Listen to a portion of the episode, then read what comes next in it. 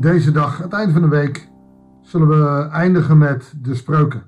Daarna, anderhalve week even niet, even lekker in Corinthiërs en Matthäus duiken.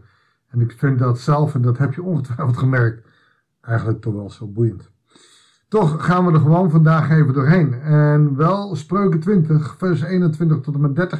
En daar gaan we eigenlijk een doublure vinden. En soms denk ik dan, waarom dan? Maar goed, daar zullen we nooit achter komen. Maar, ach, maak het toch uit. Tegeltekstje wordt net even anders. Goeiedag, hartelijk welkom bij een nieuwe uitzending van het Bijbels Dagboek. We lezen Spreuken 20, vers 21 tot en met 30. En het begint met rijkdom die in korte tijd verworven is, brengt geen zegen voor later.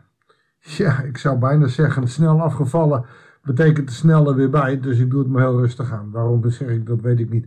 Maar dat is met alles zo. Met geld ook, als je het snel verworven hebt, nou, dan kon het nog wel eens wezen dat je daar niet op lange duur ook van kan profiteren. En je ziet wel mensen die een eigen bedrijfje beginnen, die van de winst meteen alles afromen, maar geen rekening houden dat de belasting nog komt, dat uh, er nog afschriften komen van uh, materiaal of wat dan ook. En ook rijkdom, als je in één keer een miljoen krijgt. Weet je, er zijn heel veel miljonairs in Nederland die bijvoorbeeld door de loterij miljoenen winnen. Ik zal je één ding vertellen. Heel veel van die mensen zijn diep ongelukkig. Liggen in scheiding. En het geluk wat ze zochten, hebben ze niet gevonden met die rijkdom die in korte tijd verworven is. Salomo heeft hier wel een puntje. Uh, ik weet nog een programma van Jambers, jaren geleden. 80% van de winnaars van uh, een loterij in België, 80% lag in scheiding. En dat zal in Nederland en Amerika niet anders zijn. Geld, we kunnen het zo goed gebruiken en het is zo handig. Maar het maakt zeker niet gelukkig. Vers 22 zegt niet, ik zal dat kwaad vergelden. In het Oude Testament was het nog oog om oog, tand om tand. Maar feitelijk leert God in het Oude Testament en zeker ook in het Nieuwe Testament, laat mij je breker zijn. En dat zegt hij hier ook, wacht op de Heer, Hij zal je helpen. Wij willen maar al te graag um, wraak nemen op alles wat we belangrijk vinden. Op mensen die ons wat aandoen of wij denken dat ze ons wat aandoen. Maar het beste kun je dat overlaten aan God. En dat is voor ons mensen eigenlijk best wel heel lastig. Want wij willen, als God het doet, dan weet je niet wanneer hij het doet, hoe hij het doet. En wij weten toch eigenlijk wel beter hoe het zou moeten. Want als wij echt boos zijn op iemand, laat het aan God over. Weet dat hij uiteindelijk jou zal breken. Alleen hoe en wanneer en wat, kan ik je niet vertellen. En hier komt die doublure een beetje. Twee gewichten om te wegen. Het is de Heer een gruwel. Vers 23. Maar als je leest in vers 10. Twee gewichten om te wegen. En twee maten om te meten. Beide zijn de Heer een gruwel. Dus ook die twee gewichten. Die zijn de Heer een gruwel. Hier staat iets dubbels in. Alleen dan vers 10 is wat langer. Twee maten om te meten. Maar dat is eigenlijk hetzelfde.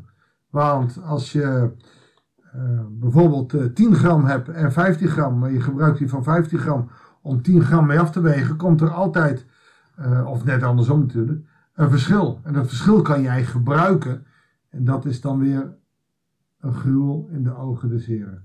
Hij wil dat jij eerlijk bent en niet met twee maten meet. Rijken moet je niet naar de ogen zien. Armen moet je niet in de mond praten.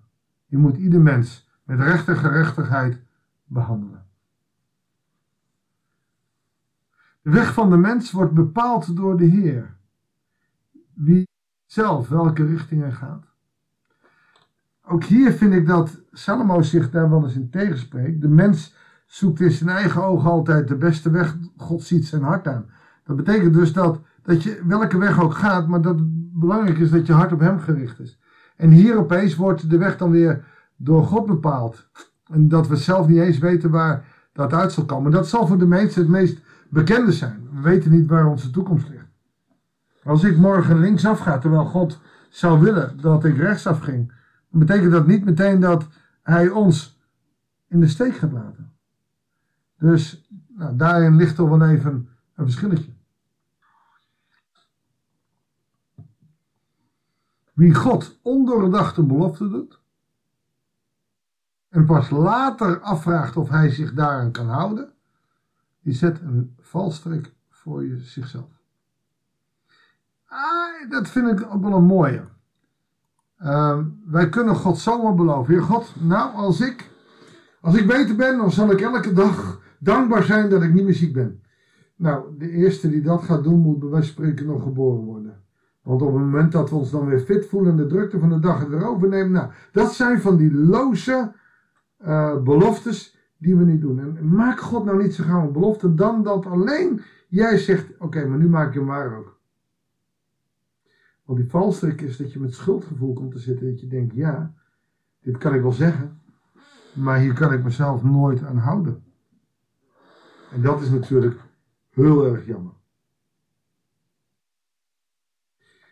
Een wijze koning sift de goddeloze uit. Hij laat het rad over hen heen gaan. Oftewel, de bokken van de schapen uh, proberen te scheiden. Dat moet een koning doen en uiteindelijk koning Jezus zal het ook doen. Vers 27, het licht van de Heer verschijnt de geest van de mens. Het dringt door tot in de diepste gedachten. Nou, dat vind ik wel een mooie. God is niet zomaar een licht in de hemel zoals de herders zagen dat de engelen aan de lucht stonden dat er uh, heel veel licht was. Nee, het licht van de Heer zal in ons hart, hij zal ons hart verlichten. Hij zal ons verlichten. We kunnen ons soms letterlijk verlicht noemen en lichter voelen, omdat er last van onze rug is, omdat God dicht bij ons is. En als wij God toelaten, dan kan Hij doordringen in onze diepste gedachten. En trouw beschermen de koning, liefde schraagt zijn troon. Ook deze kwam weer terug. Er zijn meer dingen die die troon schragen of wel ondersteunen. Liefde en trouw. Nou, dat zijn wel de belangrijkste. Ook koning God, koning Jezus, wil dat zijn troon op onze liefde gedragen wordt. De pracht van jonge mensen is hun kracht. Van oude mensen is hun grijze haar. Ik zou hem anders willen maken. De pracht van jonge mensen is hun kracht. De sier van oude mensen is hun wijsheid. En wij willen grijs haar ook wel eens met die wijsheid vermengen. Prachtig om grijs haar te hebben. Ik weet dat heel veel mensen hun haar verven. Dus dat is in deze tijd niet meer. Maar die wijsheid vind ik belangrijker. En je kan nog zo intelligent zijn. Soms is het goed om naar een ouder iemand te luisteren. Omdat die zoveel wijsheid heeft. Bloedige striemen doen het kwaad verdwijnen. Slagen zuiveren het innerlijk. Ik heb slecht nieuws. Corrigerende tik mogen wij niet meer uitdelen. Dus of dit nog helemaal opgaat, wij vergelden niet met streamen en met slagen. En toch kunnen we ook te lief zijn. Dus het kan een nadenker zijn. Die vrije opvoeding, zijn we daar altijd goed mee bezig? Nou, ik weet het niet. Misschien wel niet. Nou, enfin, het is wel een nadenker. Nou, we hebben weer een stapel van die mooie spreuken gehad. En er staan echt wel heus, want ik kan er wel eens flauw over doen, hele mooie spreuken bij. En ik heb hier nog gemerkt, gemarkeerd, wie God onderdacht een belofte doet. En zich pas later afvraagt of hij daar aan kan houden. Zit een valstrik voor zichzelf. Laat dat dan de waarschuwing voor vandaag zijn. Je mag elke andere tekst pakken uiteraard. God nooit zomaar een loze belofte. Beloof God niet te veel, want vaak kunnen wij het niet nakomen. De zegen van de Heer rust alleen op mensen wiens ja een ja is, wiens nee een nee. Werk daaraan. Dat als hij ja zegt tegen God, dat je het ook doet. En dat jouw ja geen nee wordt en jouw nee geen ja. God wil open en eerlijkheid. Maar daar hebben we God wel nodig. Laten we daarom bidden, Heer God. We danken u voor uw genade. We danken u voor uw liefde. We danken u voor uw trouw, Heer God. Dat u trouw bent aan mensen die niet altijd trouw zijn aan u. Heer, zegen ons. Behoed en bewaar ons en geef ons de wijsheid om onze ja en ja te laten zijn. Om in die wijsheid die komt met de dagen dat we ouder worden, oftewel als we grijs haar krijgen. Heer, dat die wijsheid ons vertelt, niet zomaar loze de belofte te doen. Ga met ons mee deze dag. Als een van die teksten ons misschien aanspreekt en dat we die meenemen. Heer, zegen ons.